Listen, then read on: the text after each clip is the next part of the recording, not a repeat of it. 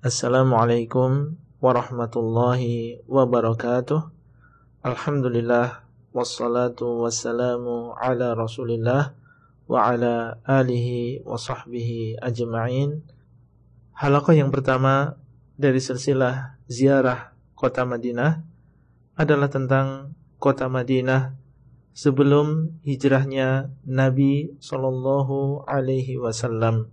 Kota Madinah adalah termasuk kota yang lama, kurang lebih 1500 tahun sebelum hijrahnya Nabi Shallallahu Alaihi Wasallam. Kota ini sudah dihuni oleh manusia. Di antara yang tinggal di kota Madinah adalah tiga kabilah besar orang-orang Yahudi. Mereka adalah Bani Quraidah, Bani Nadir, dan Bani Qainuqa. Dan di antara yang tinggal di kota Madinah adalah orang-orang musyrikin dari dua kabilah yang besar Al-Aus dan Al-Khazraj yang datang dari Yaman setelah hancurnya bendungan Ma'rib. Dua kabilah ini saling berperang selama kurang lebih 120 tahun Al-Aus dibantu oleh Bani Nadir dan Quraidah dan Al-Khazraj dibantu oleh Bani Qainuqa dan tidak berhenti peperangan antara dua kabilah ini sampai datang agama Islam. Dahulu kota ini dikenal dengan nama Yathrib Allah berfirman, "Wa id qalat ta'ifatun minhum ya ahla Yathriba la muqama lakum farji'u." Dan ketika sekelompok dari mereka yaitu orang-orang munafikin berkata, "Wahai penduduk Yathrib, tidak ada tempat bagi kalian di sini, maka kembalilah kalian." Surat Al-Ahzab ayat 13. Orang-orang munafikin ingin menggembosi orang-orang yang beriman penduduk Madinah dalam perang Khandaq yang terjadi pada tahun 5 Hijriah.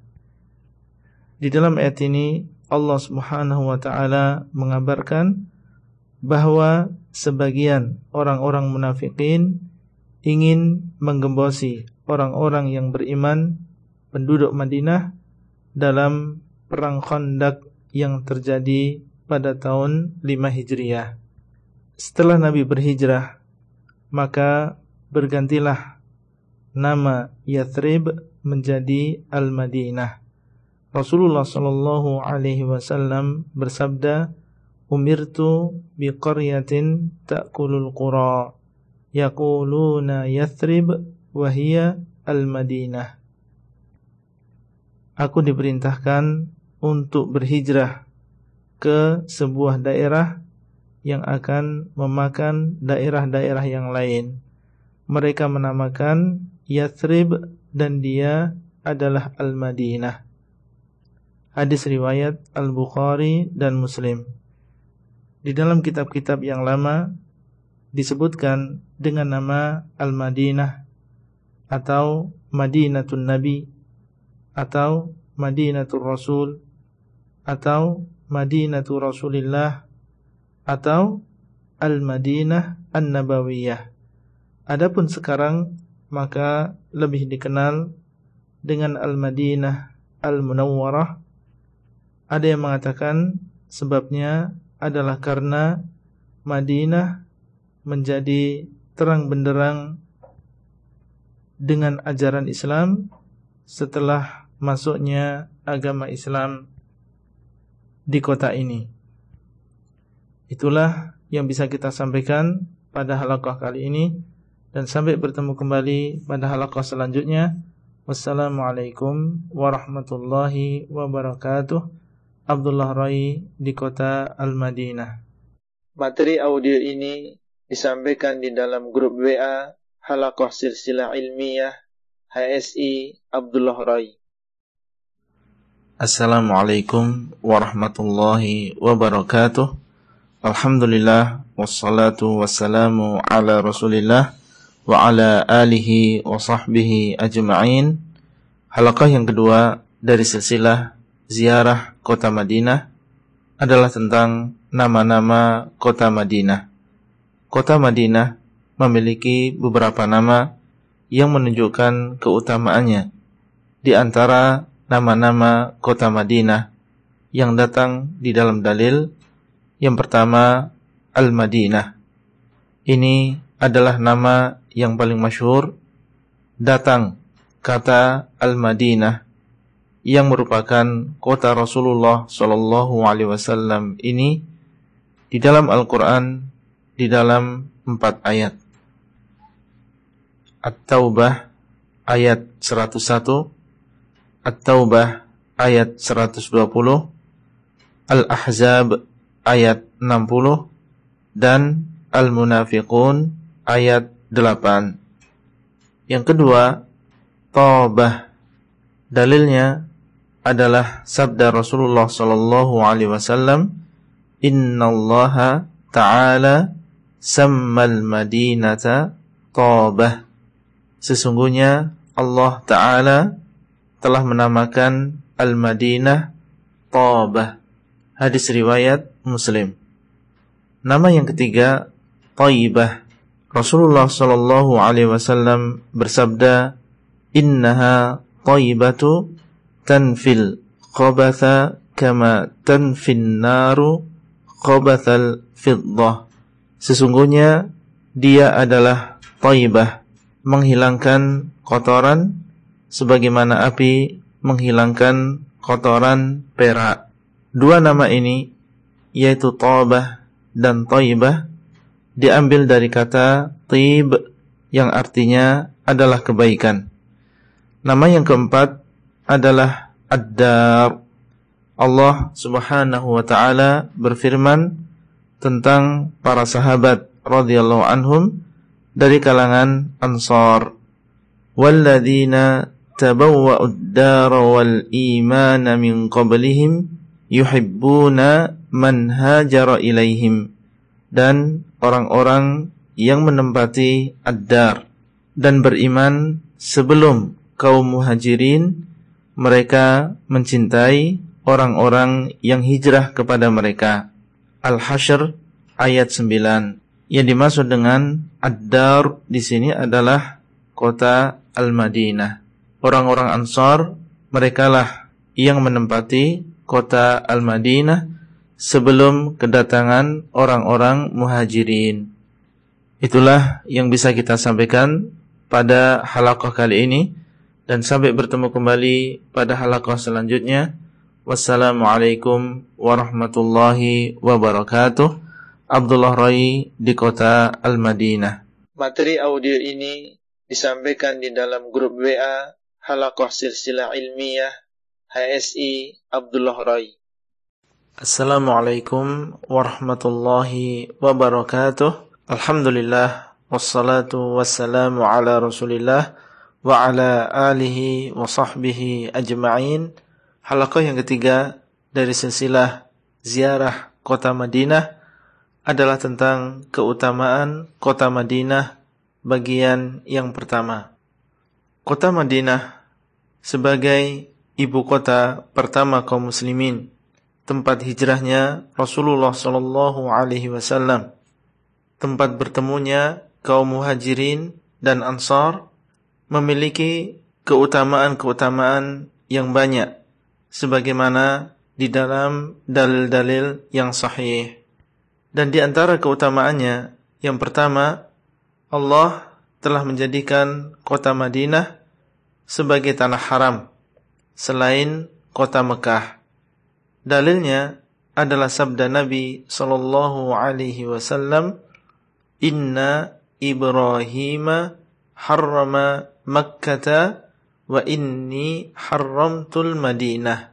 Sesungguhnya Ibrahim telah mengharamkan kota Mekah dan sesungguhnya aku telah mengharamkan kota Madinah.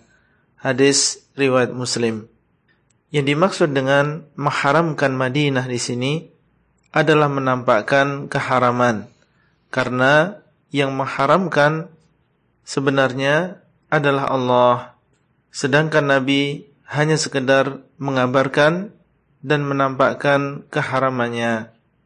Tanah haram kota Madinah memiliki batas-batas tertentu.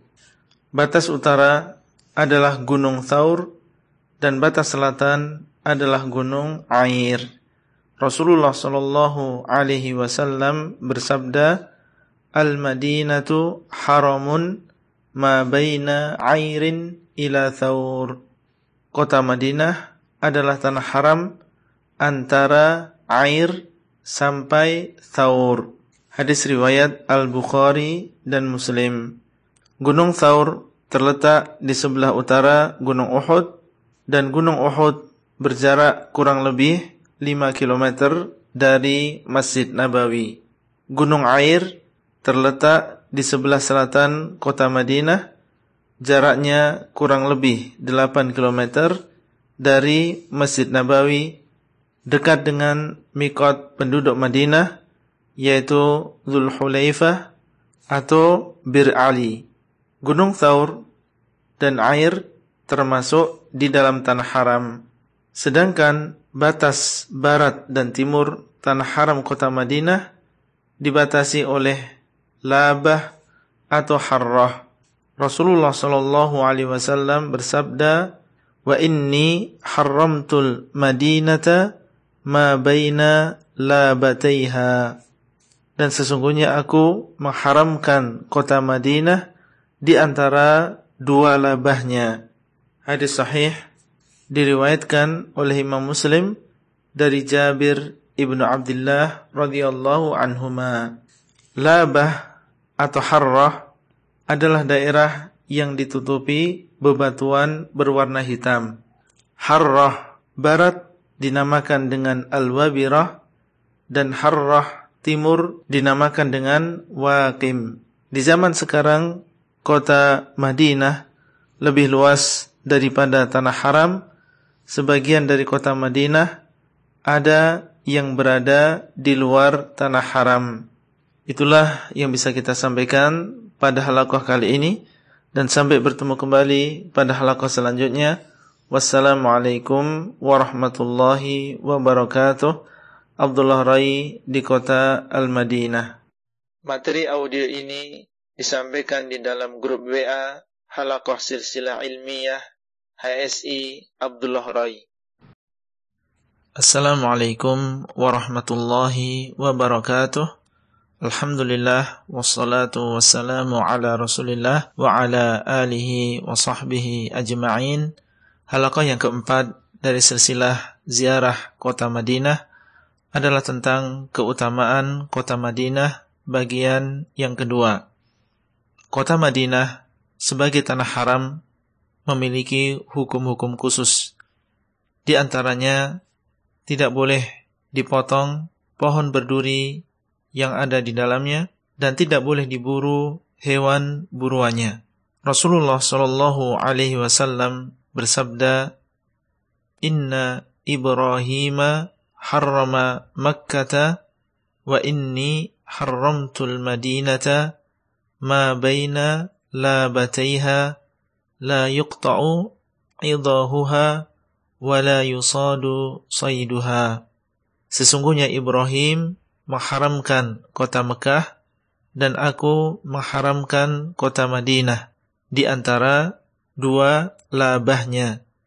Tidak dipotong tumbuhan berdurinya dan tidak diburu hewan buruannya. Hadis riwayat Muslim.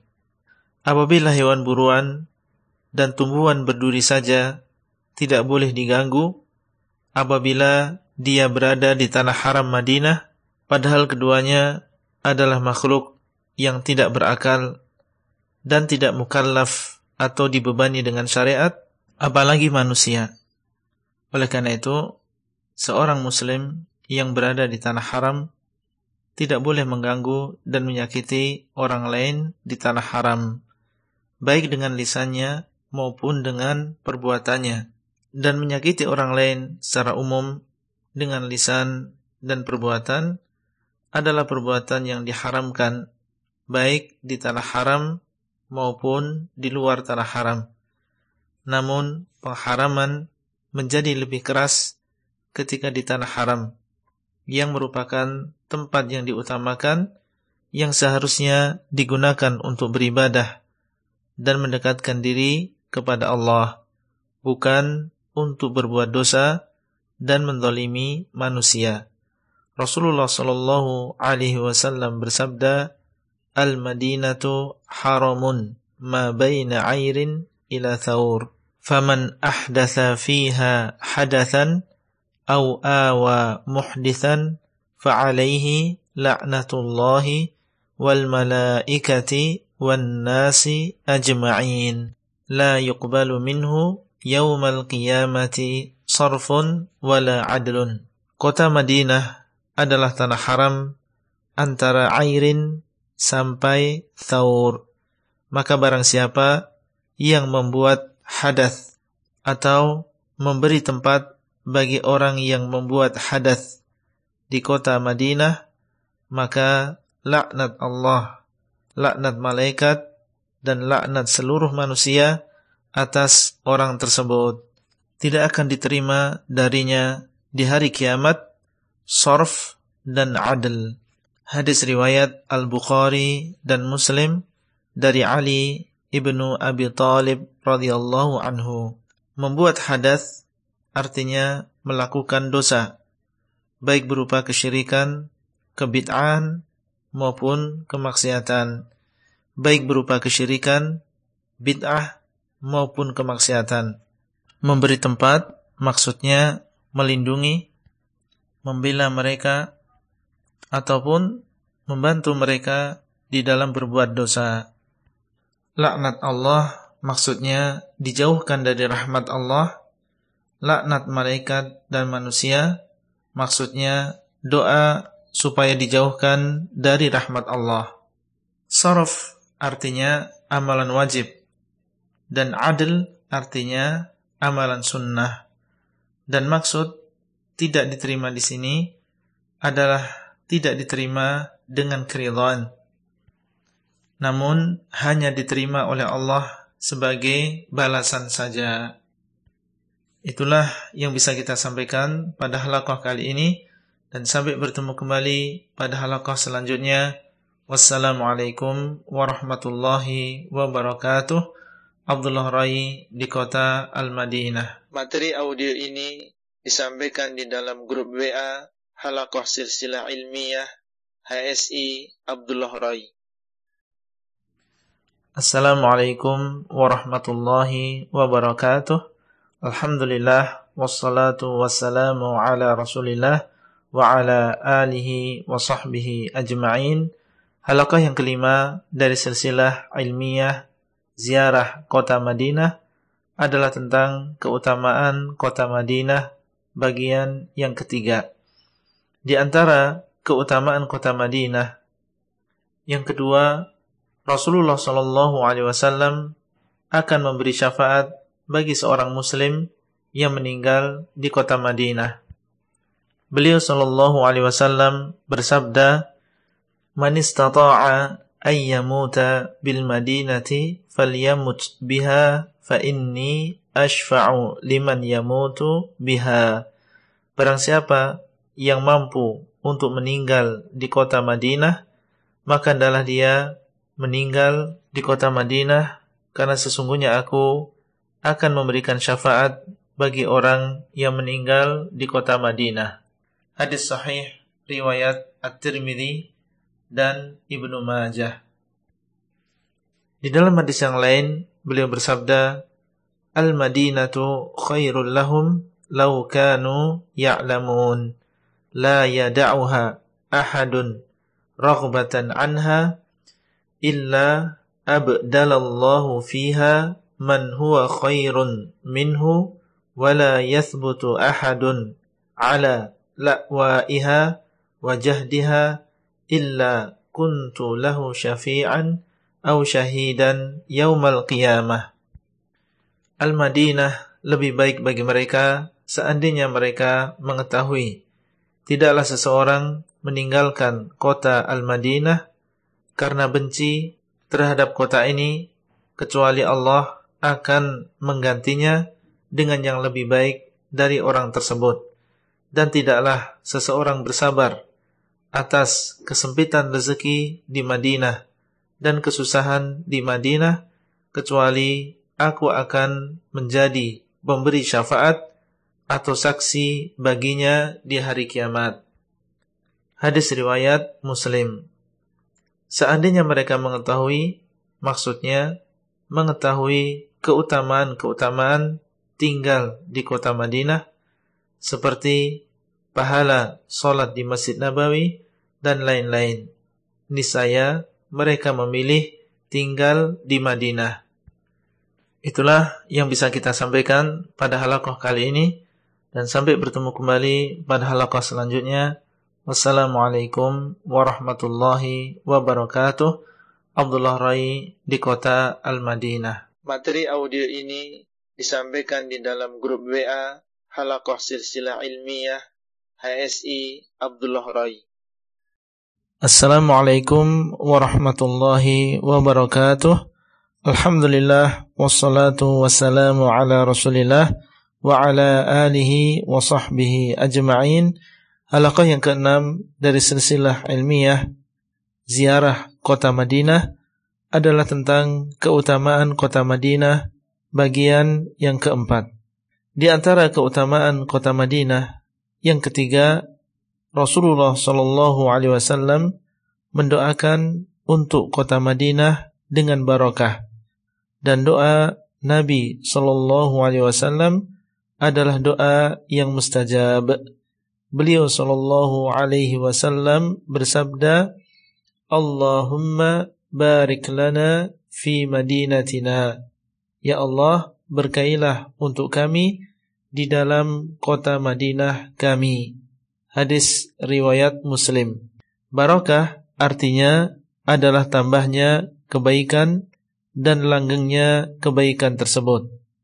Yang keempat, di antara keutamaan kota Madinah, Allah menugaskan malaikat untuk menjaga kota Madinah sehingga tidak dimasuki ta'un dan dajjal. Rasulullah sallallahu alaihi wasallam bersabda, ala anqabil madinati malaikatun la yadkhuluha at-ta'unu walad dajjal di jalan-jalan kota Madinah ada malaikat-malaikat tidak dimasuki ta'un dan dajjal. Hadis riwayat Al-Bukhari dan Muslim. Ta'un adalah wabah penyakit yang menular dan mematikan. Dajjal adalah manusia yang kelak akan menjadi fitnah paling besar di akhir zaman yang akan mendatangi seluruh tempat di permukaan bumi kecuali dua kota yaitu kota Mekah dan kota Al-Madinah. Yang kelima di antara keutamaan kota Madinah bahwa iman akan berkumpul di kota Madinah Rasulullah sallallahu alaihi wasallam bersabda, "Innal imana la ya'rizu ilal madinati kama ta'rizul hayyatu ila juhriha." Sesungguhnya iman akan berkumpul ke kota Madinah sebagaimana ular akan berkumpul di sarangnya. Hadis riwayat Al-Bukhari dan Muslim. Maksudnya iman akan senantiasa ke sana dan ada di dalamnya dan kaum muslimin senantiasa mau ke kota Madinah karena cinta kepada kota ini. Itulah yang bisa kita sampaikan pada halakoh kali ini dan sampai bertemu kembali pada halakoh selanjutnya. Wassalamualaikum warahmatullahi wabarakatuh. Abdullah Rai di kota Al-Madinah. Materi audio ini disampaikan di dalam grup WA Halakoh Silsilah Ilmiah HSI Abdullah Rai. Assalamualaikum warahmatullahi wabarakatuh. Alhamdulillah wassalatu wassalamu ala Rasulillah wa ala alihi wa sahbihi ajma'in. Halakah yang ketujuh dari silsilah ilmiah ziarah kota Madinah adalah tentang ziarah Masjid Nabawi bagian yang pertama. Sebuah kenikmatan yang besar seorang muslim diberi kesempatan oleh Allah untuk berziarah ke kota Madinah. Kota yang penuh dengan keutamaan sebagaimana telah berlalu sebagiannya. Apabila seseorang sudah dimudahkan sampai ke kota Madinah, maka disyariatkan untuk mengunjungi lima tempat. Lima tempat tersebut terdiri dari dua masjid dan tiga kuburan. Dua masjid adalah Masjid Nabawi dan Masjid Kuba. Adapun tiga kuburan, maka yang dimaksud adalah kuburan Rasulullah Shallallahu Alaihi Wasallam dan kuburan dua sahabatnya Abu Bakar dan Umar radhiyallahu anhuma. Kemudian yang kedua pemakaman Baqi' dan yang ketiga adalah pemakaman syuhada Uhud. Yang pertama di antara lima tempat tersebut adalah Masjid Nabawi. Ini adalah tujuan pertama dan utama kedatangan seseorang ke kota Madinah, yaitu berziarah ke Masjid Nabawi. Rasulullah sallallahu alaihi wasallam bersabda, "La tushaddur rihalu illa ila thalathati masajida al-Masjidil Harami wa Masjidil Rasuli sallallahu alaihi wasallam wa Masjidil Aqsa." Tidak bepergian kecuali ketiga masjid, Masjidil Haram, Masjid Rasul sallallahu alaihi wasallam dan Masjidul Aqsa. Hadis riwayat Al-Bukhari dan Muslim. Maksud hadis ini bahwa tidak boleh seseorang bepergian ke sebuah tempat dengan maksud ibadah dan meyakini keutamaan khusus tempat tersebut kecuali ketiga masjid yang disebutkan di dalam hadis dan cara berziarah ke tiga masjid tersebut adalah dengan cara salat di dalamnya. Keutamaan Masjid Nabawi, salat di dalamnya dilipat gandakan menjadi lebih dari seribu kali. Rasulullah Shallallahu Alaihi Wasallam bersabda, "Salatun fi masjid khairun min alfi salatin fi ma siwahu illa al-masjid al-haram." Salat sekali di masjidku ini lebih baik daripada seribu kali salat di masjid yang lain kecuali Masjidul Haram. Hadis riwayat Al-Bukhari dan Muslim. Itulah yang bisa kita sampaikan pada halaqah kali ini dan sampai bertemu kembali pada halaqah selanjutnya. Wassalamualaikum warahmatullahi wabarakatuh. Abdullah Rai di kota Al-Madinah. Materi audio ini disampaikan di dalam grup WA Halakoh Silsilah Ilmiah HSI Abdullah Rai. Assalamualaikum warahmatullahi wabarakatuh. Alhamdulillah wassalatu wassalamu ala Rasulillah wa ala alihi wa sahbihi ajma'in. Halaqah yang kesembilan dari silsilah ilmiah ziarah kota Madinah adalah tentang ziarah Masjid Nabawi bagian yang ketiga. Keutamaan salat di Masjid Nabawi yang sudah kita sebutkan sudah cukup menjadi pendorong untuk menjaga solat lima waktu di Masjid Nabawi. Telah tersebar di kalangan kaum muslimin bahwa orang yang sampai ke kota Madinah disyariatkan untuk melakukan 40 kali solat fardu berturut-turut di Masjid Nabawi yang mereka namakan dengan salat arba'in.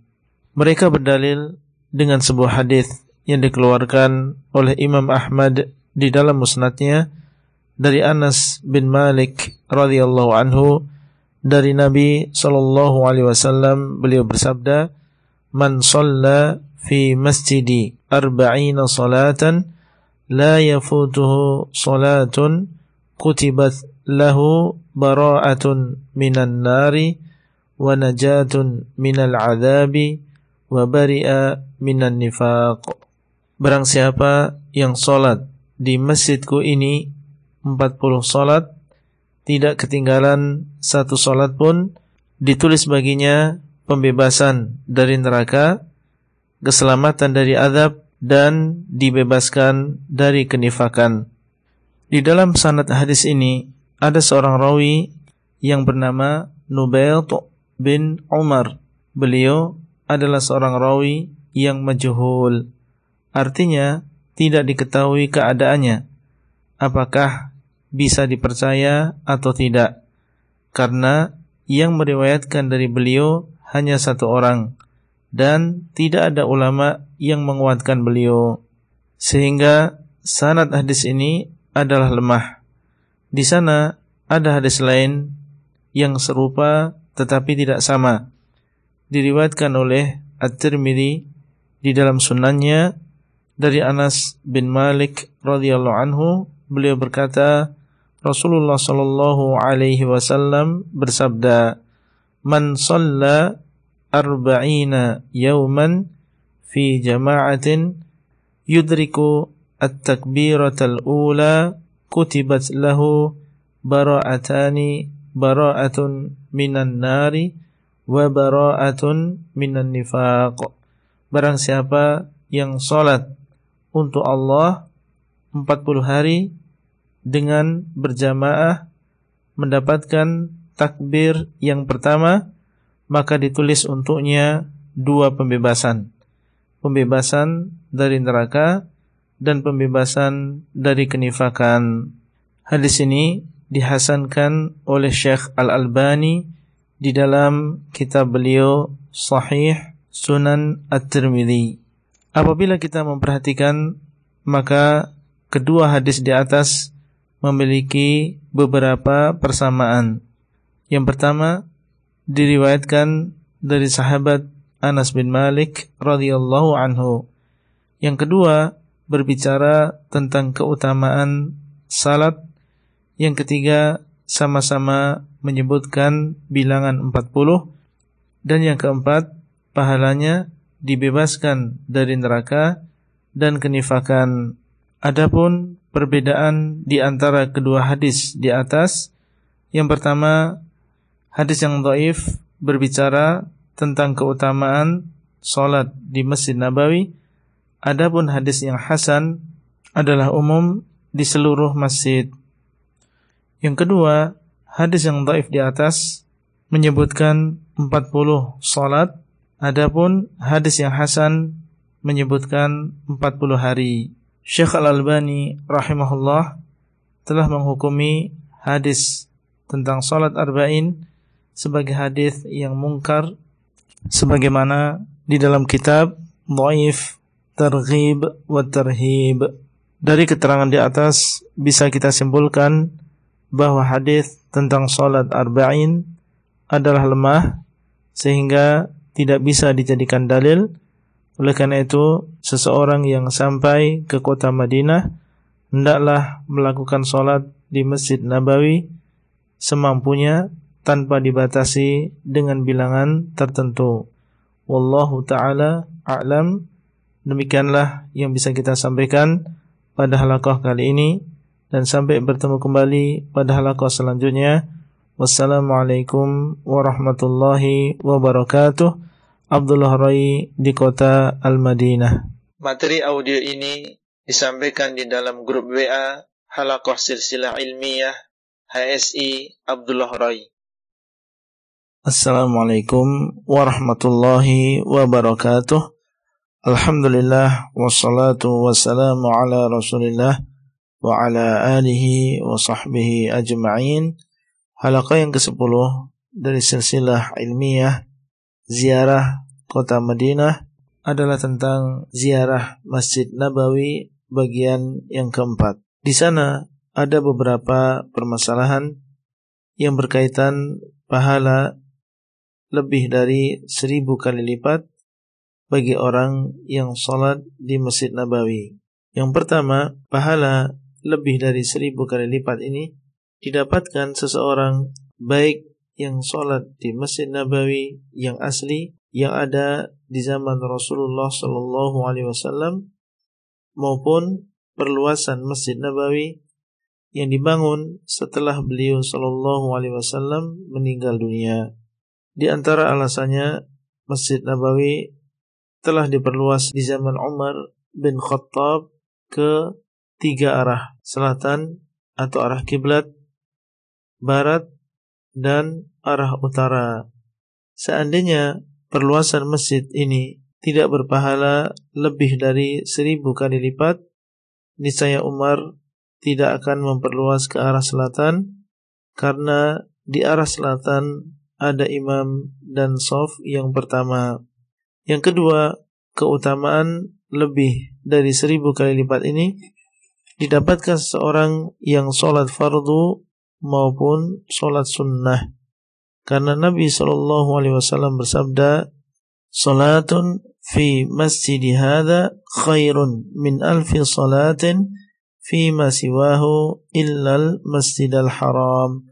Salat sekali di masjidku ini lebih baik daripada seribu kali salat di masjid yang lain kecuali Masjidil Haram. Hadis riwayat Bukhari dan Muslim. Ucapan beliau, salatun adalah mutlak mencakup solat fardu dan sunnah. Yang ketiga, keutamaan lebih dari seribu kali lipat ini didapatkan seseorang yang solat di halaman Masjid Nabawi dengan kondisi yang sekarang, di mana halaman Masjid Nabawi sekarang langsung menyambung dengan masjid dan di sana ada pagar yang mengelilingi halaman Masjid Nabawi. Yang keempat, salatnya seorang wanita di rumah lebih besar pahalanya daripada salat dia di Masjid Nabawi. Karena dahulu istri-istri Nabi Shallallahu Alaihi Wasallam lebih banyak salat di rumahnya daripada salat di Masjid Nabawi. Namun bila wanita tersebut ingin salat di masjid maka jangan dilarang karena Nabi sallallahu alaihi wasallam bersabda la tamna'u ima Allahi masajidallah. Janganlah kalian melarang hamba-hamba Allah yang wanita dari masjid-masjid Allah. Hadis riwayat Bukhari dan Muslim. Yang kelima salat sunnah di rumah lebih besar pahalanya daripada salat sunnah di Masjid Nabawi. Karena keumuman hadis fa inna afdala salatil mar'i fi baitihi illa salatal maktubah. Maka sesungguhnya sebaik-baik salat bagi seseorang adalah di rumahnya kecuali salat yang wajib. Hadis riwayat Al-Bukhari dan Muslim. Itulah materi yang bisa kita sampaikan pada kesempatan kali ini dan sampai bertemu kembali pada halaqah selanjutnya. Wassalamualaikum warahmatullahi wabarakatuh. Abdullah Rai di kota Al-Madinah. Materi audio ini disampaikan di dalam grup WA Halaqah Silsilah Ilmiah HSI Abdullah Rai. Assalamualaikum warahmatullahi wabarakatuh. Alhamdulillah wassalatu wassalamu ala Rasulillah wa ala alihi wa sahbihi ajma'in.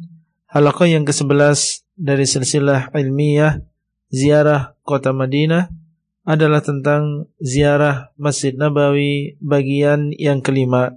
Di dalam Masjid Nabawi ada sebuah tempat yang dikenal dengan Raudhah Rasulullah Shallallahu Alaihi Wasallam bersabda, "Ma baina baiti wa mimbari raudhatun min riyadil jannah." Antara rumahku dan mimbarku adalah taman di antara taman-taman surga. Hadis riwayat Al-Bukhari dan Muslim dari Abu Hurairah radhiyallahu anhu. Yang dimaksud dengan ucapan beliau, rumahku adalah rumah Aisyah radhiyallahu anha dan ucapan beliau mimbarku adalah mimbar beliau sallallahu alaihi wasallam yang letaknya kurang lebih di pertengahan Masjid Nabawi. Ini menunjukkan bahwa daerah tersebut memiliki keistimewaan dibandingkan tempat-tempat yang lain yang ada di Masjid Nabawi. Para ulama berselisih tentang makna taman di antara taman-taman surga. Ada yang mengatakan bahwa tempat tersebut akan dipindah ke surga dan ada yang mengatakan bahwa beribadah dan sholat di tempat tersebut mengantarkan seseorang ke taman di antara taman-taman surga sehingga diutamakan untuk melakukan sholat sunnah di dalamnya. Bagi yang menguatkan pendapat yang kedua bahwa sholat sunnah di sana diutamakan dan dia ingin sholat di sana, maka para ulama telah mengingatkan supaya seseorang tidak memaksakan diri dan jangan sampai terjadi mudarat ketika akan sholat di raudhah, baik memudarati diri sendiri maupun orang lain. Karena sholat di raudhah hukumnya dianjurkan, sedangkan memudarati orang lain diharamkan dan tidak boleh hanya karena ingin melakukan yang dianjurkan seseorang melakukan yang diharamkan oleh Allah. Rasulullah sallallahu alaihi wasallam bersabda, "La dharara wa la dirar." Tidak boleh memudarati diri sendiri dan tidak boleh memudarati orang lain. Hadis sahih diriwayatkan oleh Ibnu Majah. Dan solat seseorang di tempat selain raudhah dengan lebih khusyuk dan lebih menjaga kesempurnaan ruku' dan sujud lebih afdal daripada solat di raudhah tetapi tidak khusyuk dan tidak bisa menyempurnakan ruku' dan sujudnya. Kemudian perlu diketahui bahwa solat fardu bagi laki-laki di saf yang pertama lebih baik daripada solat fardu yang dilakukan di raudhah. Karena keumuman sabda Rasulullah sallallahu alaihi wasallam khairu sufufir rijali awwaluha. Sebaik-baik saf bagi laki-laki adalah yang pertama. Hadis riwayat Muslim. Itulah yang bisa kita sampaikan pada halaqah kali ini. Dan sampai bertemu kembali pada halaqah selanjutnya. Wassalamualaikum warahmatullahi wabarakatuh Abdullah Rai di kota Al-Madinah materi audio ini disampaikan di dalam grup WA Halakoh Silsilah Ilmiah HSI Abdullah Rai. Assalamualaikum warahmatullahi wabarakatuh. Alhamdulillah wassalatu wassalamu ala Rasulillah wa ala alihi wa sahbihi ajma'in.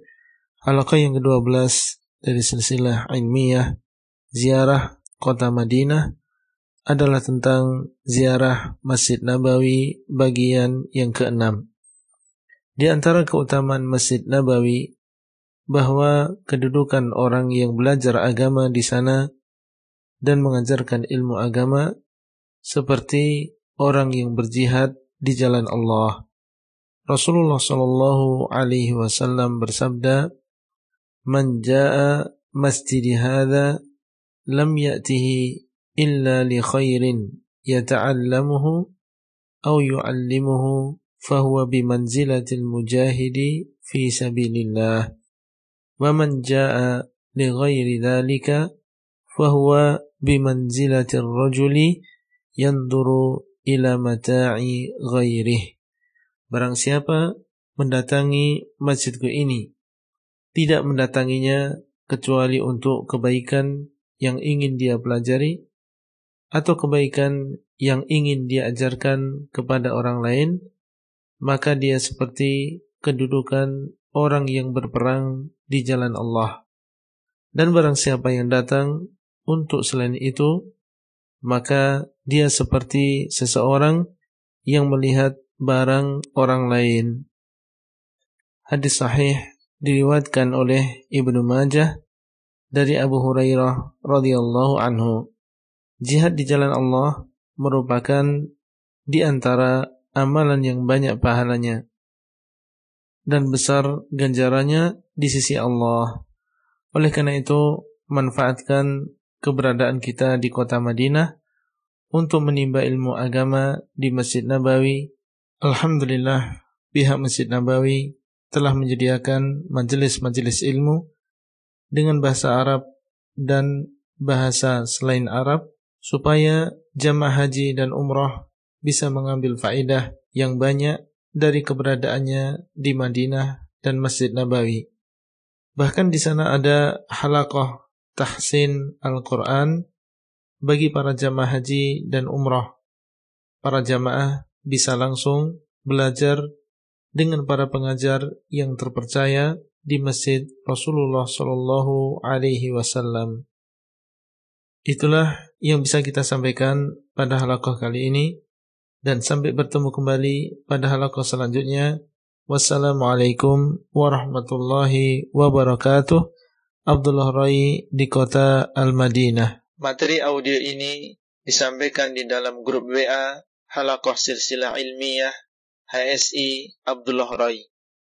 Assalamualaikum warahmatullahi wabarakatuh. Alhamdulillah wassalatu wassalamu ala Rasulillah wa ala alihi wa sahbihi ajma'in.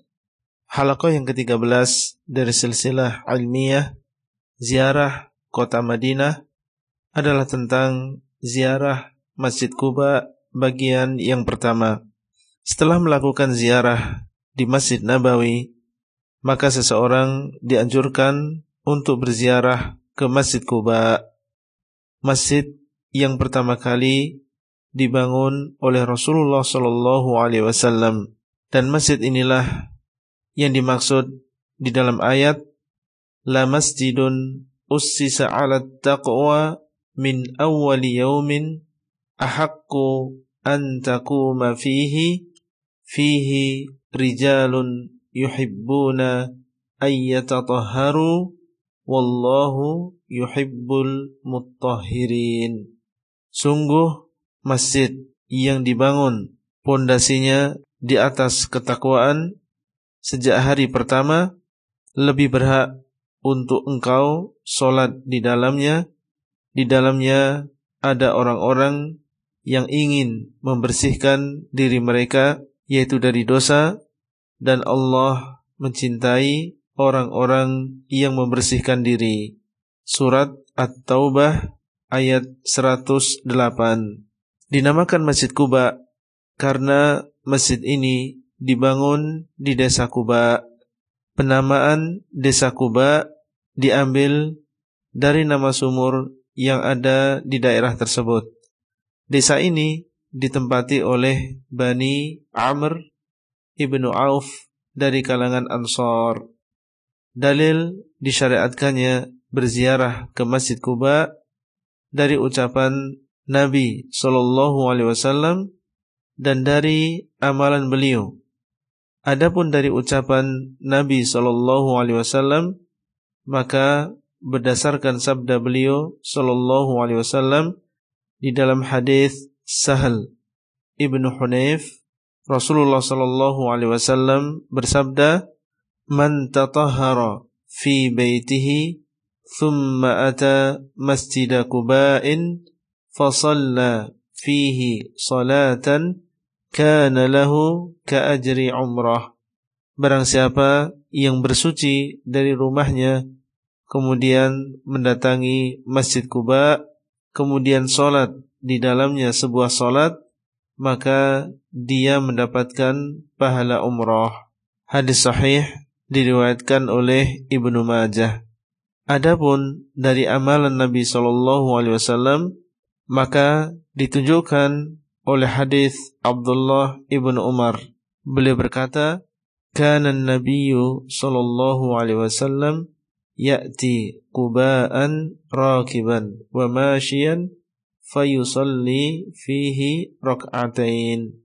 Dahulu Nabi sallallahu alaihi wasallam mendatangi Masjid Kuba dalam keadaan naik kendaraan atau berjalan kaki. Kemudian beliau solat di dalamnya dua rakaat.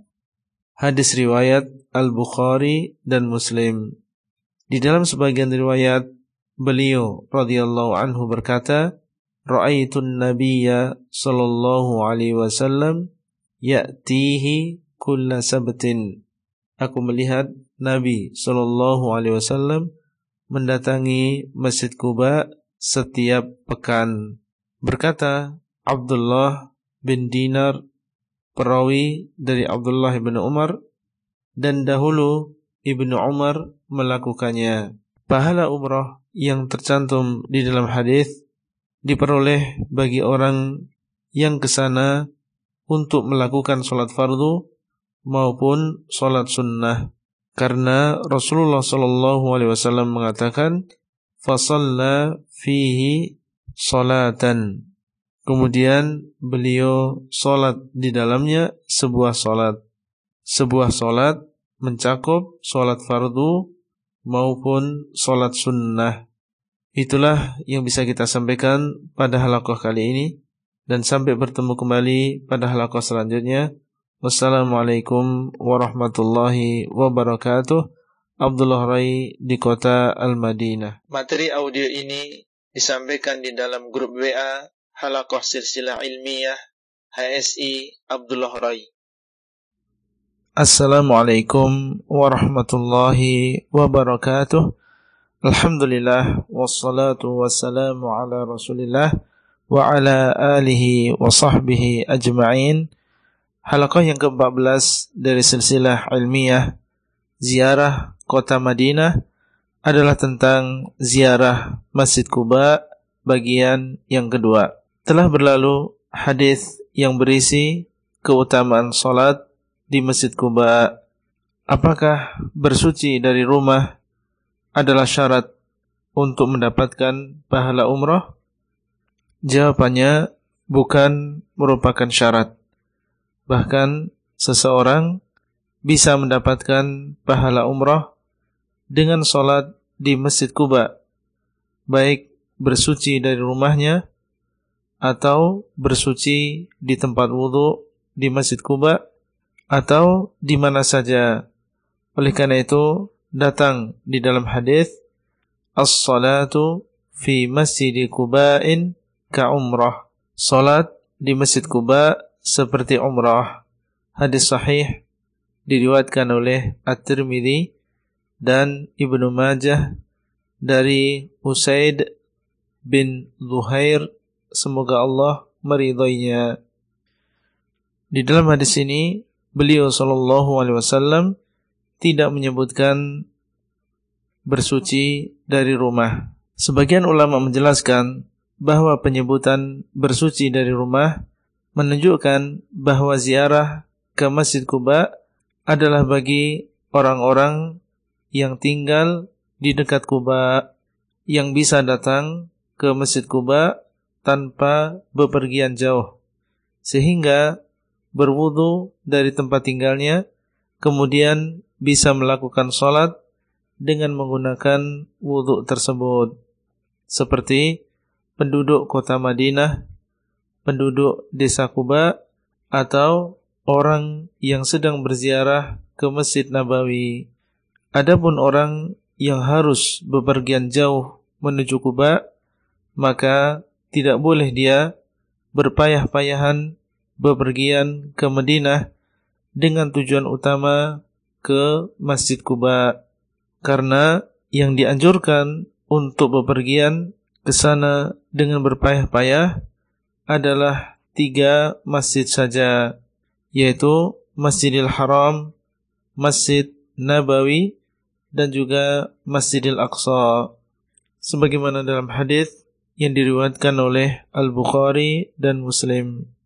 Dengan demikian, kita mengetahui bahwa orang yang ke Madinah tujuan utamanya adalah sholat di Masjid Nabawi. Kemudian bila ada kesempatan maka berziarah ke Kuba. Demikian yang bisa kita sampaikan pada halaqah kali ini dan sampai bertemu kembali pada halaqah selanjutnya. Wassalamualaikum warahmatullahi wabarakatuh. Abdullah Rai di kota Al-Madinah. Materi audio ini disampaikan di dalam grup WA Halaqah Silsilah Ilmiah HSI Abdullah Rai. Assalamualaikum warahmatullahi wabarakatuh. Alhamdulillah wassalatu wassalamu ala Rasulillah wa ala alihi wa sahbihi ajma'in. Halaqah yang ke-15 dari silsilah ilmiah ziarah kota Madinah adalah tentang ziarah Masjid Kuba bagian yang ketiga.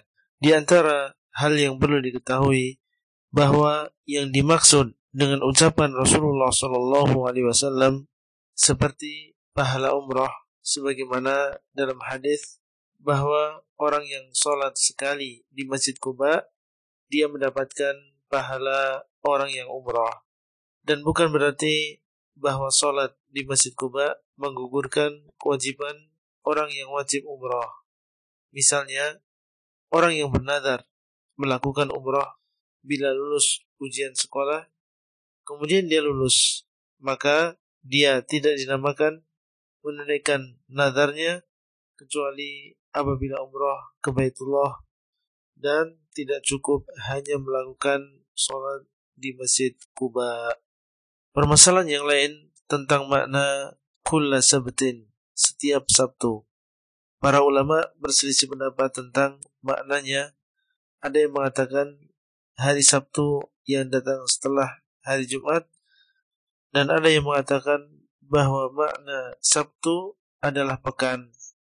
Dan yang lebih kuat, wallahu a'lam, bahwa yang dimaksud adalah pekan karena Sabtu setelah hari Jumat adalah as-sabtu dengan menggunakan al adapun sabatun tanpa al maka yang dimaksud adalah pekan inilah yang dikuatkan oleh Abu Syamah Asy-Syafi'i di dalam kitab beliau Al-Ba'ith ala inkaril bid'ai wal hawadith.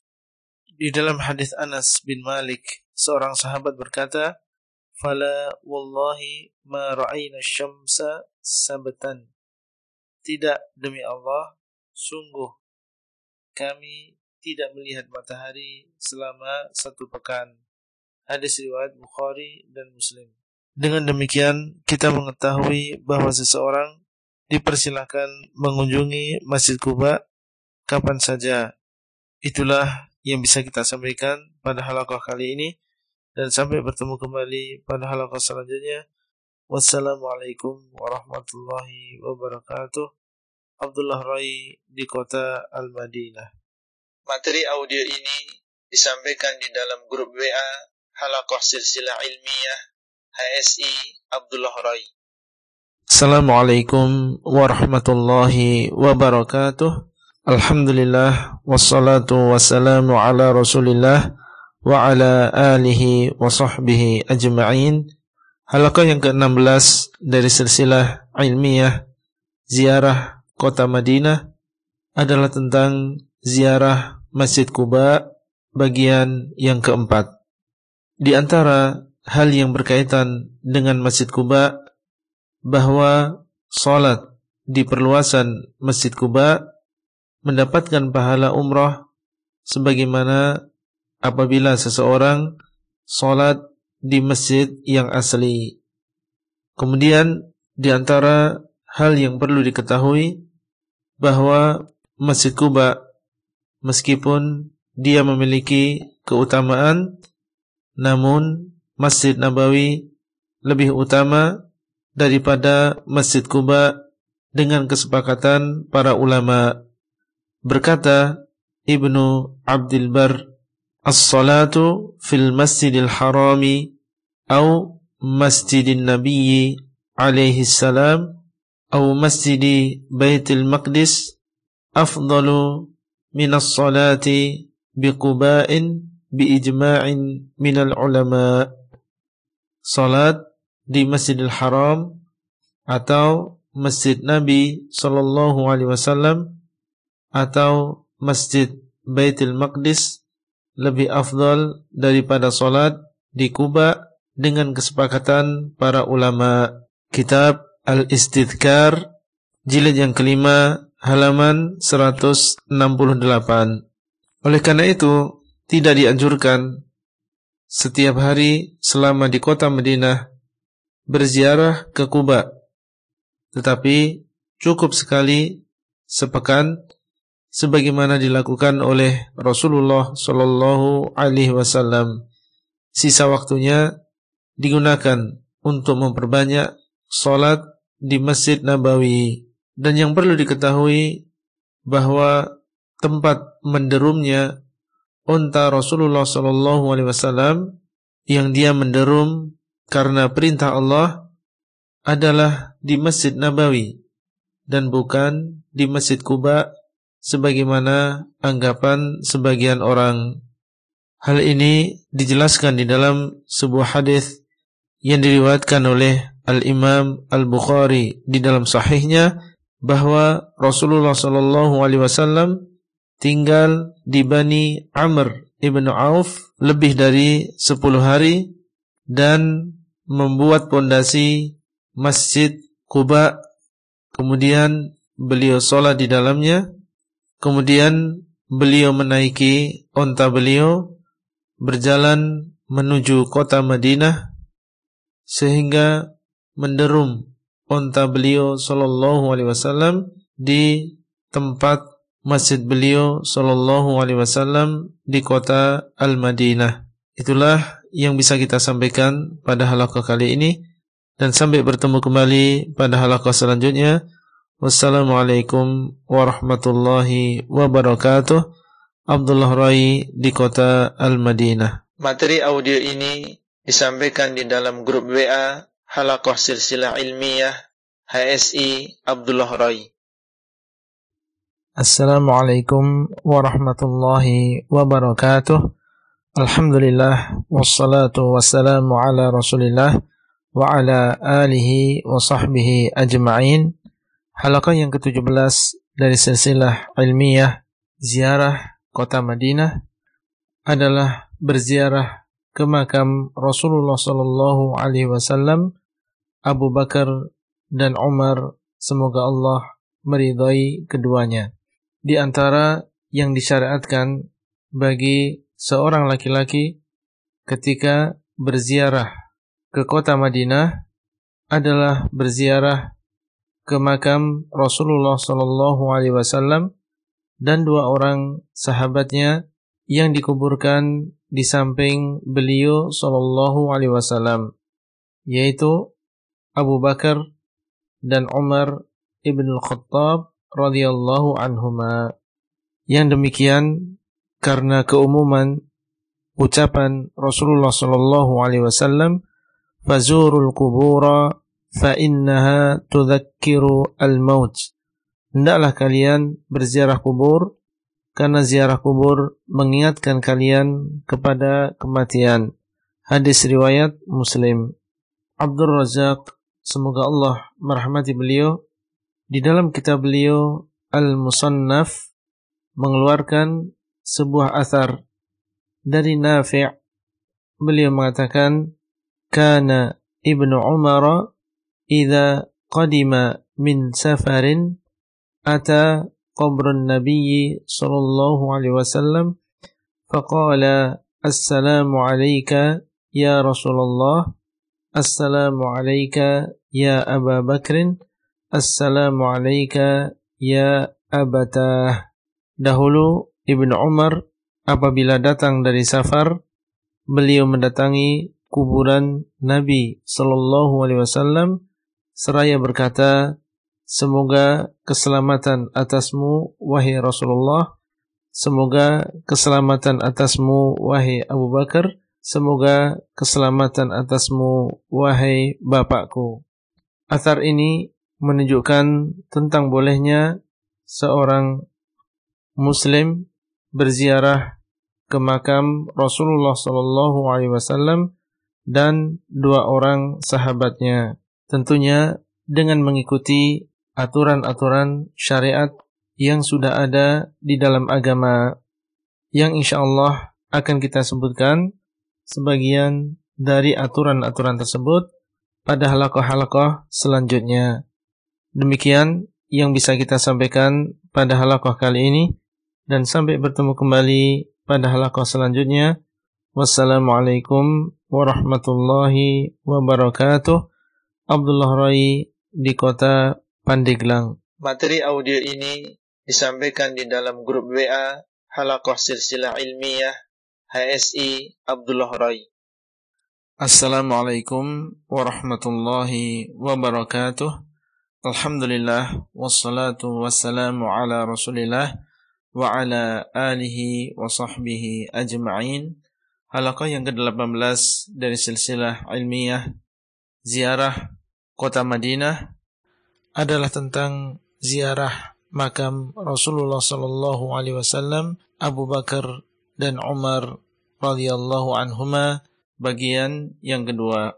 Di antara hal yang perlu diperhatikan oleh seseorang yang berziarah ke makam Rasulullah sallallahu alaihi wasallam, Abu Bakar dan Umar radhiyallahu anhuma yang pertama tidak terlalu sering berziarah di dalam sebuah hadis Rasulullah sallallahu alaihi wasallam bersabda, "Wala taj'alu qabri 'idan wa sallu 'alayya fa inna salatakum tablughuni haitsu kuntum." Dan janganlah kalian menjadikan kuburanku sebagai Eid. Dan hendaklah kalian bersolawat kepadaku, karena sesungguhnya solawat kalian sampai kepadaku di mana pun kalian berada. Hadis sahih diriwayatkan oleh Abu Dawud. Yang dimaksud dengan Aid adalah sesuatu yang sering diulang, baik berupa tempat maupun berupa waktu. Dan di antara makna ucapan beliau sallallahu alaihi wasallam dan janganlah kalian jadikan kuburanku sebagai aid adalah janganlah kalian menjadikan kuburanku suatu tempat yang sering diulang-ulang diziarahi. Cukuplah seorang muslim melakukan seperti yang dilakukan oleh Abdullah ibn Umar radhiyallahu anhuma di mana beliau radhiyallahu anhuma berziarah ke makam Rasulullah sallallahu alaihi wasallam Abu Bakar dan bapak beliau ketika datang dari safar sebagaimana telah berlalu.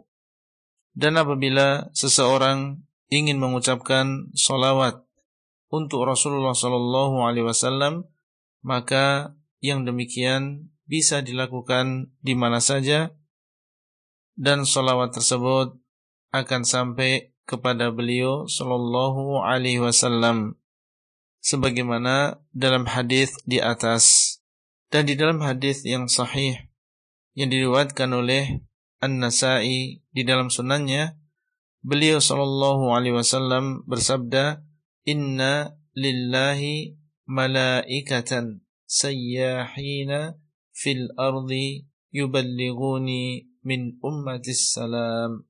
Sesungguhnya Allah memiliki malaikat-malaikat yang senantiasa berjalan di permukaan bumi menyampaikan dari umatku salam untukku. Dengan demikian tidak perlu seseorang ketika melihat saudaranya akan berziarah ke kota Madinah menitipkan salamnya untuk Rasulullah sallallahu alaihi wasallam tetapi cukup dia mengucapkan salam di mana dia berada maka salam tersebut akan dibawa oleh malaikat-malaikat yang telah ditugaskan oleh Allah Azza wa Jal.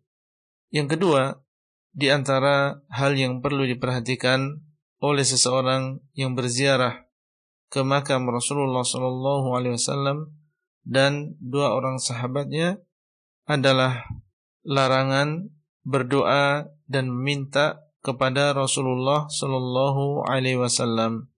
Yang demikian karena doa adalah ibadah, sebagaimana sabda Rasulullah Shallallahu Alaihi Wasallam, "Ad-du'a'u huwal ibadah." Doa itu adalah ibadah. Hadis sahih diriwayatkan oleh Abu Dawud, At-Tirmidzi, An-Nasa'i dan juga Ibnu Majah.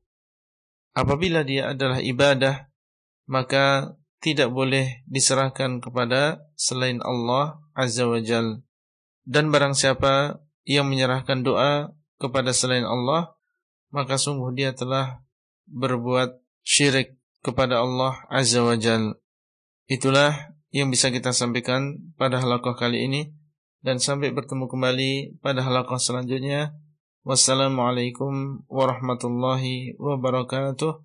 Abdullah Rai di kota Pandeglang. Materi audio ini disampaikan di dalam grup WA Halakoh Silsilah Ilmiah HSI Abdullah Rai. Assalamualaikum warahmatullahi wabarakatuh. Alhamdulillah wassalatu wassalamu ala Rasulillah wa ala alihi wa sahbihi ajma'in. Halaqah yang ke-19 dari silsilah ilmiah ziarah kota Madinah adalah tentang ziarah makam Rasulullah sallallahu alaihi wasallam, Abu Bakar dan Umar radhiyallahu anhuma bagian yang ketiga. Di antara hal yang perlu diperhatikan bagi seorang yang berziarah ke makam Rasulullah sallallahu alaihi wasallam dan dua orang sahabatnya. Yang ketiga, dilarang seseorang menyakiti sesama muslim ketika berziarah ke makam Rasulullah sallallahu alaihi wasallam dan dua orang sahabatnya. Yang keempat, dilarang seseorang mengangkat suaranya di dalam mengucapkan salam. Allah Subhanahu wa taala berfirman, "Ya ayyuhalladzina amanu la tarfa'u aswatakum fawqa sawtin nabiyyi wa la tajharu lahu bil qawli" kajahri ba'dikum li ba'din an tahbata a'malukum wa antum la tash'urun. Wahai orang-orang yang beriman, janganlah kalian mengangkat suara-suara kalian di atas suara Nabi. Dan janganlah kalian mengeraskan perkataan kalian kepada beliau.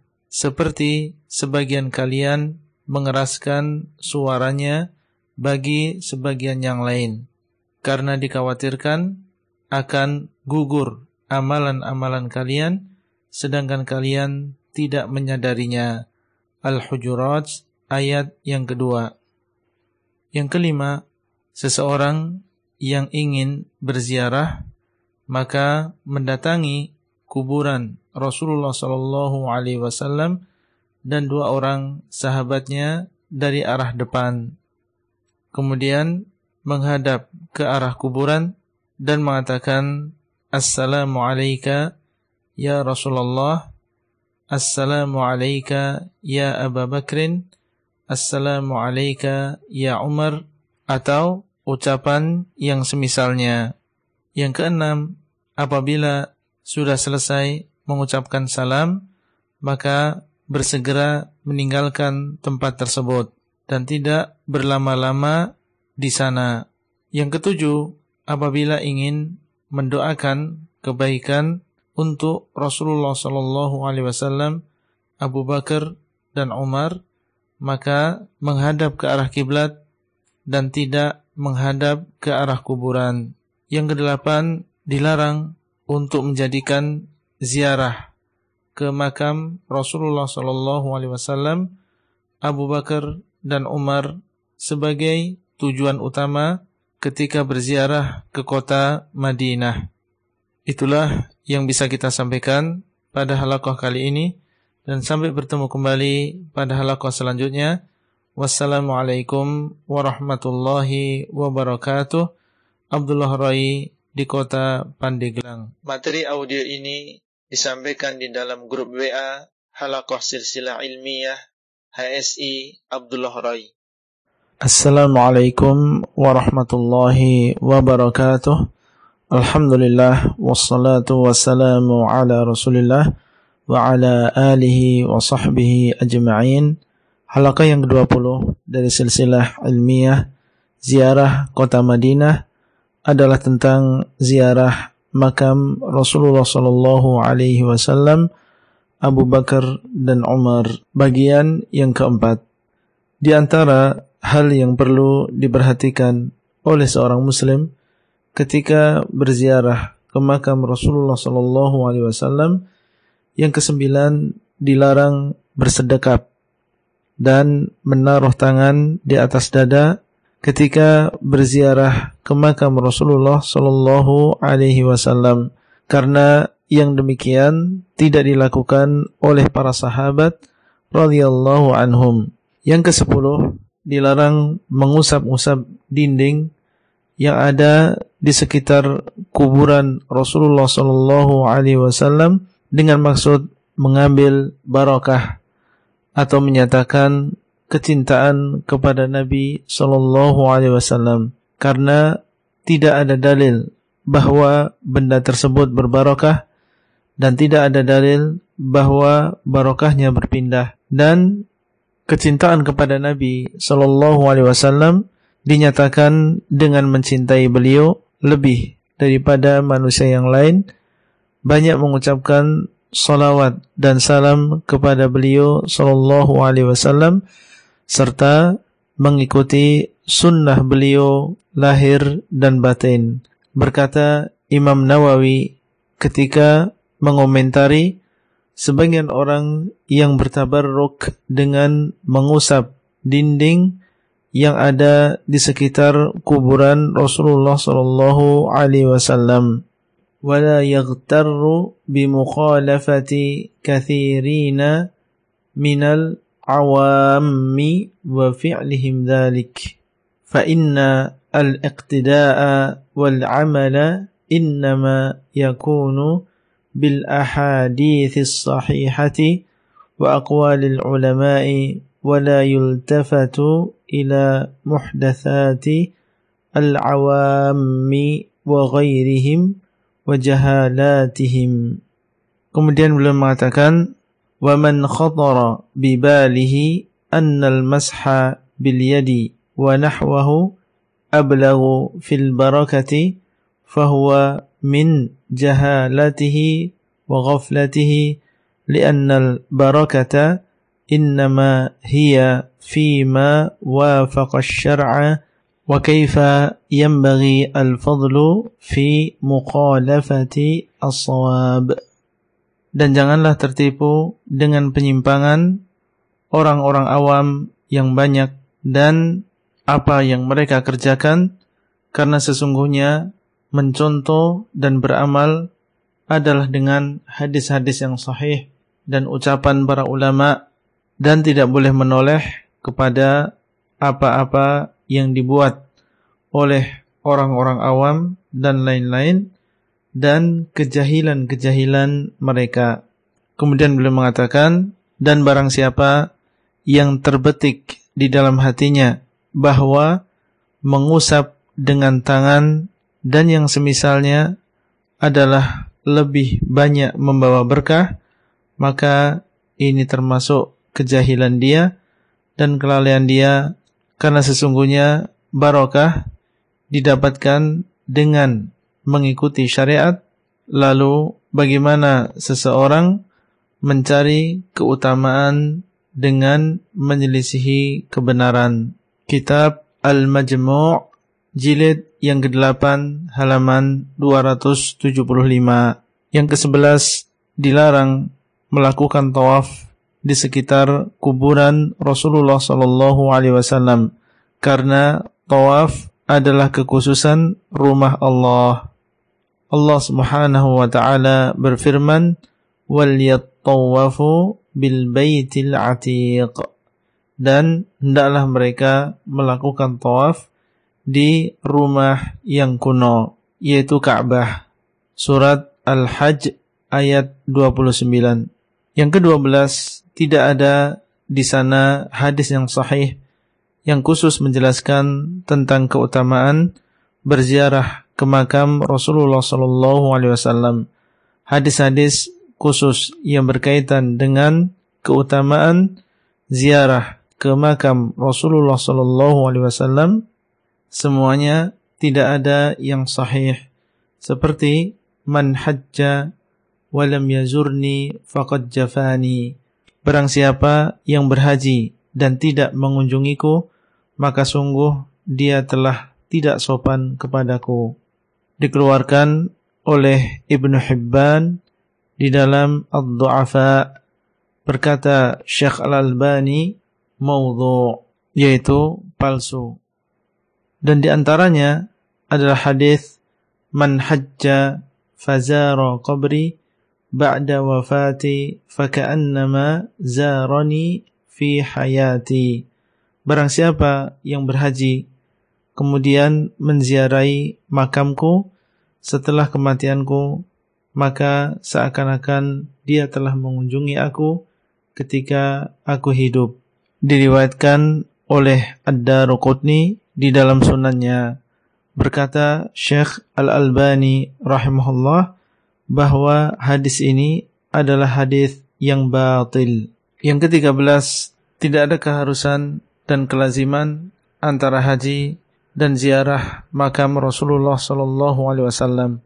Seseorang bisa berhaji tanpa berziarah dan seseorang bisa berziarah tanpa melakukan ibadah haji. Itulah yang bisa kita sampaikan pada halakoh kali ini dan sampai bertemu kembali pada halakoh selanjutnya. Wassalamualaikum warahmatullahi wabarakatuh.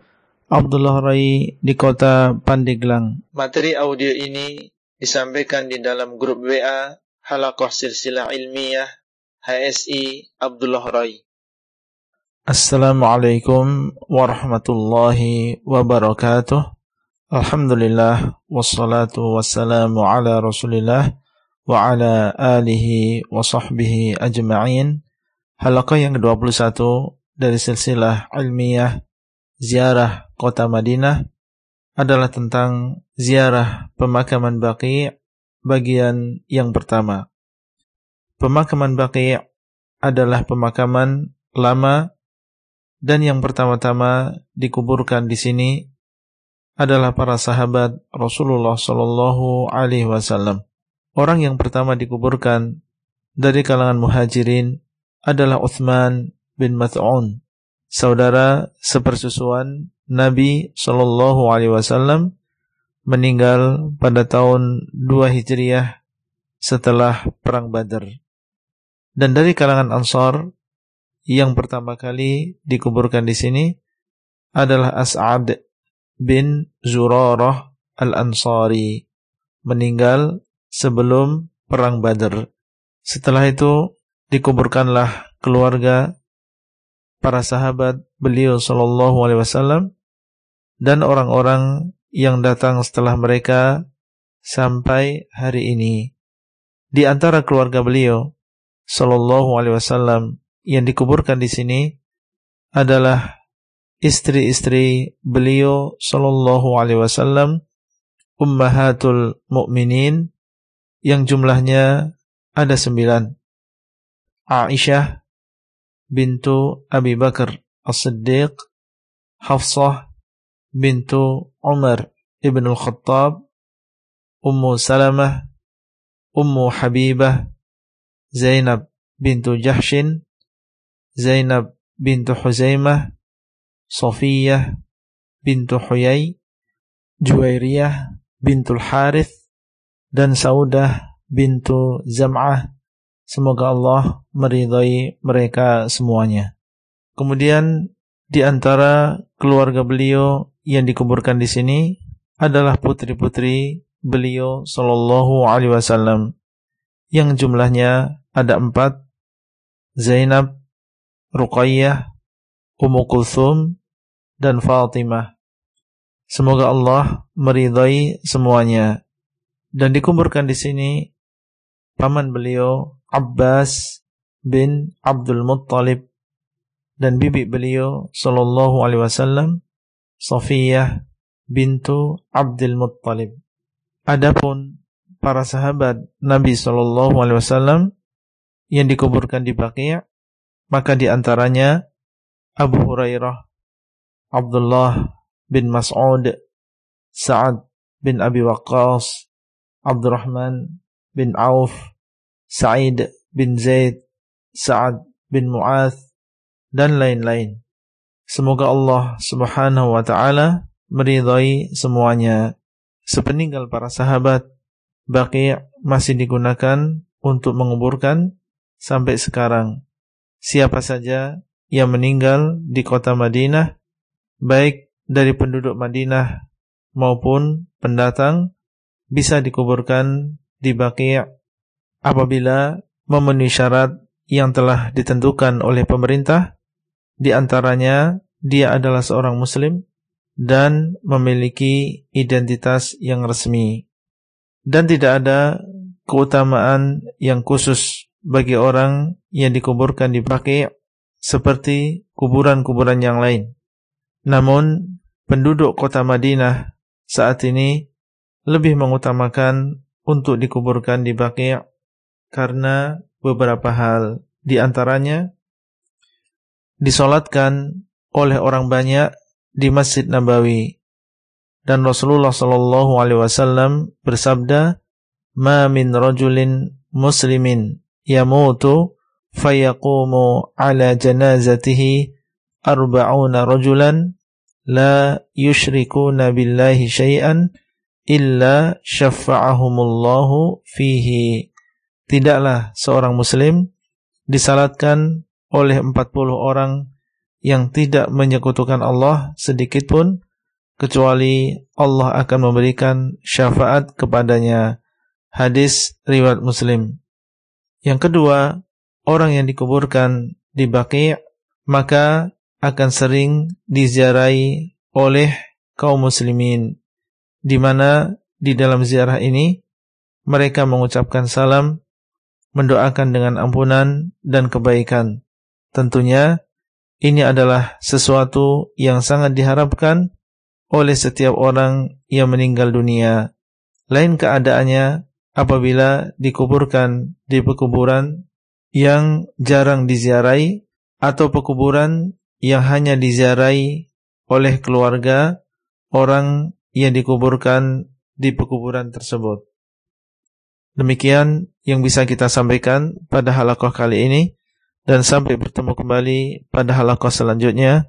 Wassalamualaikum warahmatullahi wabarakatuh. Abdullah Rai di kota Pandeglang. Materi audio ini disampaikan di dalam grup WA Halakoh Silsilah Ilmiah HSI Abdullah Rai. Assalamualaikum warahmatullahi wabarakatuh. Alhamdulillah wassalatu wassalamu ala Rasulillah wa ala alihi wa sahbihi ajma'in. Halaqah yang ke-22 dari silsilah ilmiah ziarah kota Madinah adalah tentang ziarah pemakaman Baqi' bagian yang kedua. Tata cara berziarah ke pemakaman Baqi' sama dengan berziarah ke pekuburan yang lain. Peziarah datang melihat kuburan kemudian mengucapkan salam yang diajarkan oleh Rasulullah sallallahu alaihi wasallam. Dan di antara salam yang beliau ajarkan adalah mengucapkan Assalamu alaikum ahlad diyari minal mu'minina wal muslimina wa inna insyaallahu lalahiqun as'alullaha lana walakumul afiyah. Semoga keselamatan atas kalian, wahai penduduk negeri, dari kalangan orang yang beriman dan orang Islam. Sesungguhnya kami insya Allah akan menyusul kalian. Aku memohon kepada Allah untuk kami dan untuk kalian keselamatan. Hadis riwayat Muslim. Apabila sudah mengucapkan secara umum, maka tidak perlu seseorang mengkhususkan. Rasulullah Shallallahu Alaihi Wasallam dahulu sering berziarah ke Baqi' dan telah datang beberapa lafaz salam dari beliau Shallallahu Alaihi Wasallam, namun tidak ada riwayat satupun bahwa beliau Shallallahu Alaihi Wasallam mengkhususkan salam untuk orang-orang tertentu di pemakaman Baqi'. Padahal sudah dikuburkan di Baqi' saat itu keluarga dekat beliau seperti putri beliau Ruqayyah yang meninggal pada tahun 2 Hijriah, Uthman bin Mas'un, saudara sepersusuan beliau, yang meninggal pada tahun 2 Hijriah. Istri beliau Zainab bintu Huzaimah yang meninggal pada tahun 4 Hijriah dan lain-lain. Dan dengan salam yang umum ini justru penziarah mendapat dua kelebihan. Pertama, lebih mudah dilakukan dan yang kedua, lebih banyak pahalanya karena dia telah mendoakan untuk orang banyak. Selain mendoakan, maka seseorang berziarah kubur untuk mengingat kematian. Karena Rasulullah sallallahu alaihi wasallam bersabda, "Nahaitukum an ziyaratil kubur fazuruha fa inna fi ziyaratiha tadhkirah." Dahulu aku melarang kalian dari ziarah kubur, maka berziarahlah kalian karena ziarah mengingatkan kalian kepada kematian. Hadis sahih riwayat Abu Dawud. Diharapkan orang yang melihat kuburan akan sadar bahwa dia tidak akan selamanya di dunia. Di sana ada hari pembalasan dan perhitungan, maka dia akan mempersiapkan hari itu dengan memperbaiki amal soleh dan bertaubat kepada Allah dari segala dosa. Apabila kita berziarah dengan ziarah yang dibenarkan, maka kita sebagai penziarah akan mendapatkan faedah karena kita mengingat kematian dan mendapatkan pahala mendoakan. Demikian pula orang yang diziarahi akan mendapatkan faedah karena didoakan dengan ampunan dan kebaikan. Itulah yang bisa kita sampaikan pada halakoh kali ini dan sampai bertemu kembali pada halakoh selanjutnya. Wassalamualaikum warahmatullahi wabarakatuh. Abdullah Roy di kota Pandeglang. Materi audio ini disampaikan di dalam grup WA Halakoh Silsilah Ilmiah HSI Abdullah Roy. Assalamualaikum warahmatullahi wabarakatuh. Alhamdulillah wassalatu wassalamu ala Rasulillah wa ala alihi wa sahbihi ajma'in. Halaqah yang ke-23 dari silsilah ilmiah ziarah kota Madinah adalah tentang ziarah pemakaman Baqi' bagian yang ketiga. Di antara kesalahan-kesalahan ketika berziarah yang pertama, berdoa kepada orang yang meninggal yang dianggap dia adalah seorang wali Allah dengan meminta hajat dunia atau akhirat atau meminta doanya atau meminta syafaatnya dan lain-lain. Berdoa adalah ibadah sebagaimana dikabarkan oleh Rasulullah sallallahu alaihi wasallam apabila ibadah maka tidak boleh diserahkan kepada selain Allah dan seseorang yang menyerahkan ibadah kepada selain Allah maka dia telah terjatuh ke dalam kesyirikan yang Allah telah mengabarkan bahwa Allah tidak akan mengampuni dosa syirik. Yang kedua, berkeyakinan bahwa berdoa di kuburan lebih mustajab. Ini adalah keyakinan tanpa dasar yang sahih. Rasulullah Shallallahu Alaihi Wasallam telah menyebutkan di dalam hadis-hadis yang sahih tempat, waktu, dan keadaan yang dikabulkan doa di dalamnya. Namun tidak ada dalil satupun yang sahih bahwa berdoa di kuburan lebih mustajab. Yang ketiga, di antara kesalahan-kesalahan ketika berziarah adalah mengambil tanah atau batu di kuburan dengan tujuan bertabarruk atau mengambil berkah atau dengan tujuan untuk berobat dan lain-lain. Ini juga suatu amalan tanpa dalil seorang muslim hendaknya mengambil sebab-sebab yang disyariatkan. Yang keempat, di antara kesalahan adalah mengucapkan salam dari luar kuburan. tanpa melihat kuburan. Karena yang dinamakan ziarah adalah dengan melihat kuburan. Yang kelima, di antara kesalahan di dalam berziarah adalah membaca Al-Quran di kuburan. Karena kuburan bukan tempat membaca Al-Quran.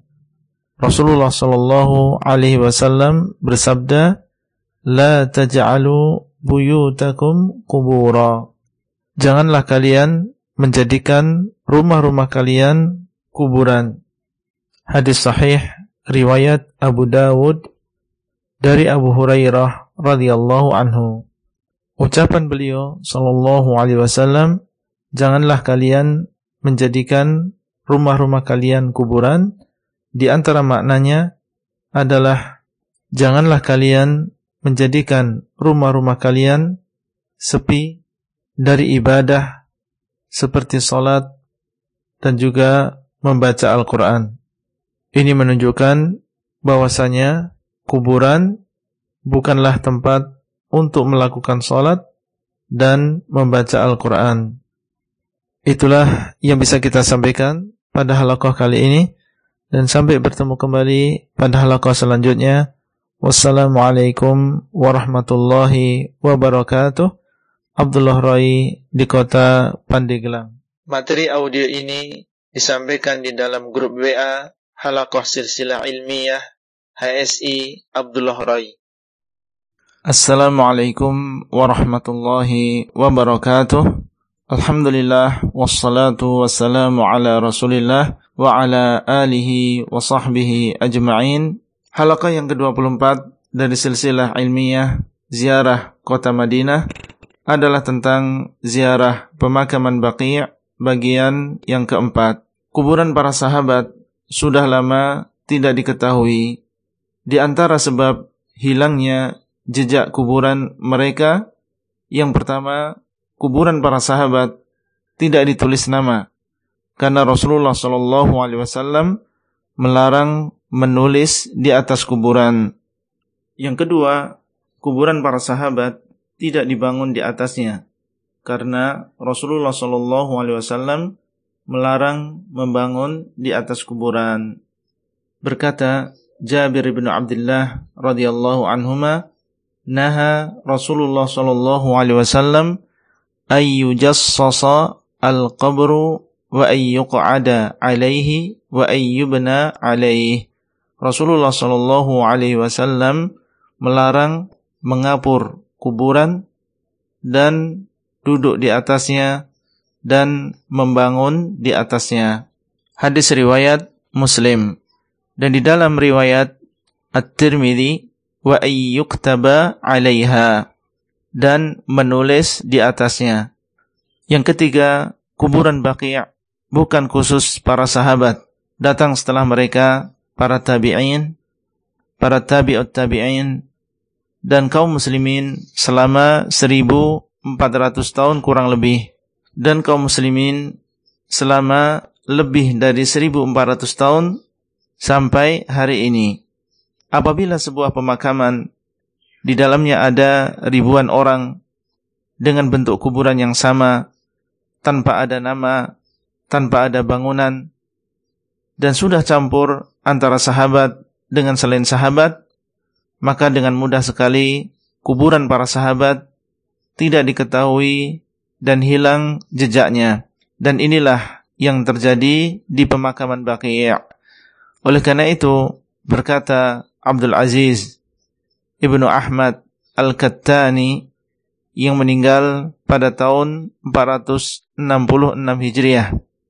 Lam yattafiqil Misrani ala ma'rifati aini qabri nabiyyin wa sahabiyyin ghairi qabri nabiyyina Muhammadin sallallahu alaihi wasallam wa qabri sahibaihi Abi Bakrin wa Umar radhiyallahu tidak ada dua kota yang bersepakat atas kuburan seorang nabi dan sahabat selain kuburan nabi kita Muhammad sallallahu alaihi wasallam dan kuburan dua orang sahabatnya Abu Bakar dan Umar.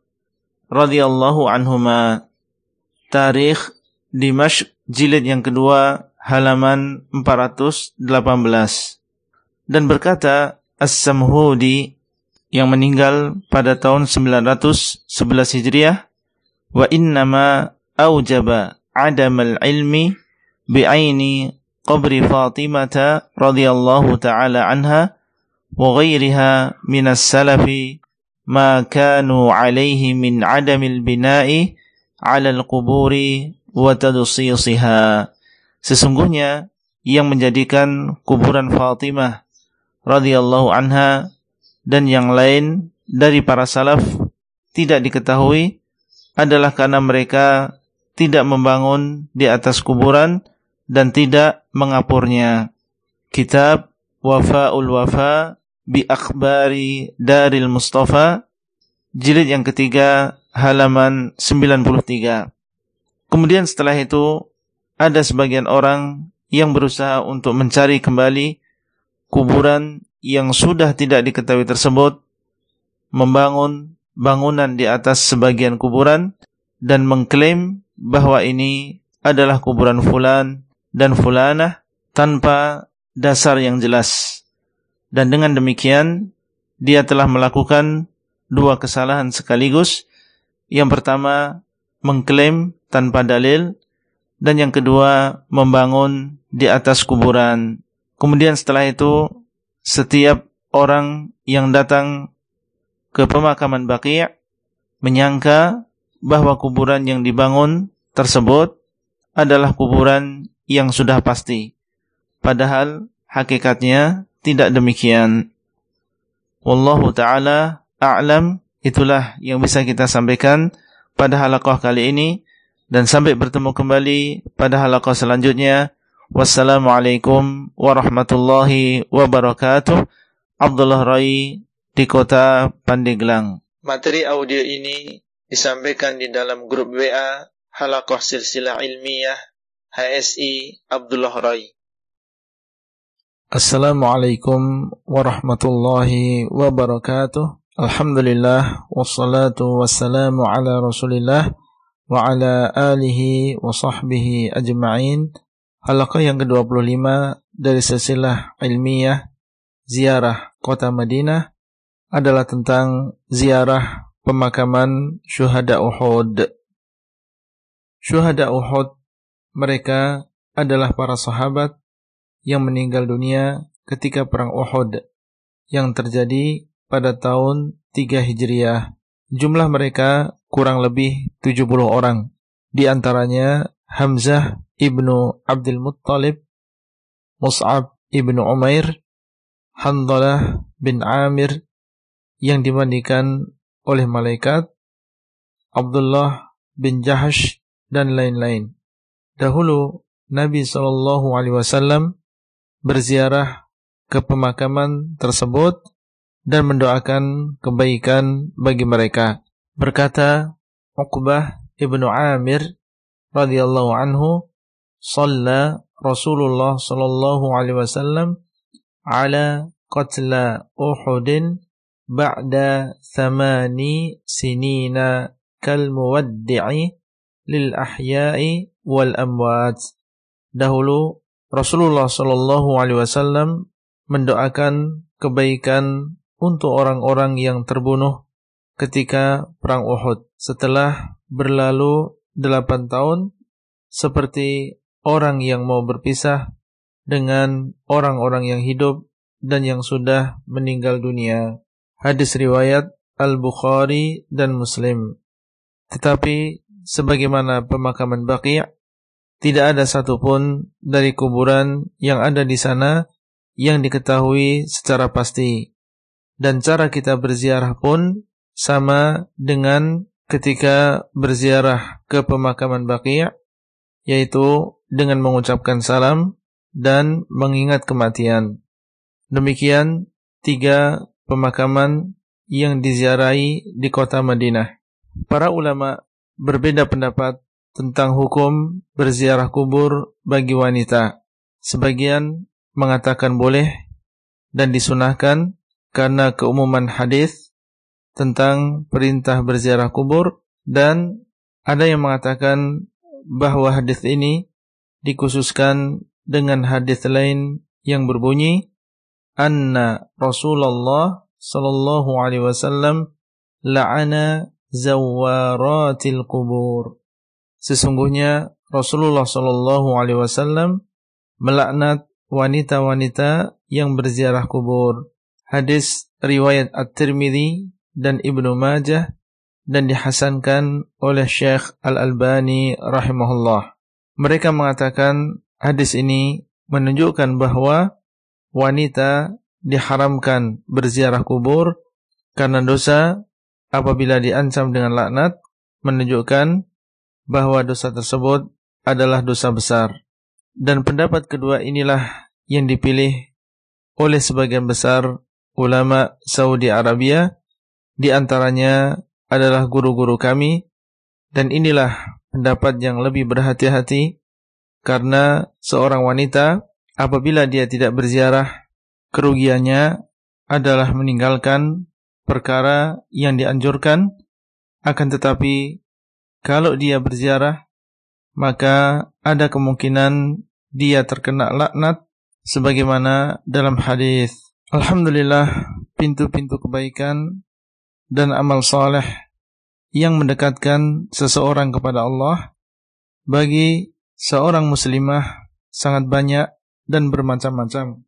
Silahkan dia memperbanyak dari amalan-amalan tersebut.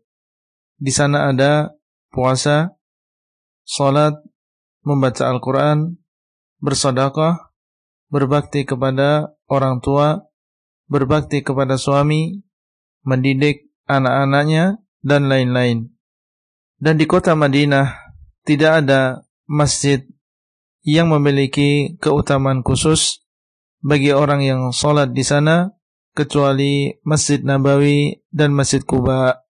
Adapun Masjid Kiblatain, Masjid Al-Ghamamah dan lain-lain maka tidak memiliki keutamaan khusus. Boleh seseorang mendatanginya dengan maksud melihat peninggalan sejarah dan bukan meyakini keutamaan khusus bagi orang yang sholat di sana. Dengan demikian, kita sudah menyelesaikan silsilah ilmiah ziarah kota Madinah. Semoga Allah SWT memudahkan kita ziarah ke kota Madinah dan semoga Allah Subhanahu wa taala menerima amal ibadah kita semuanya. Wallahu taala a'lam Wabillahi taufiq wal hidayah. Wassalamualaikum warahmatullahi wabarakatuh.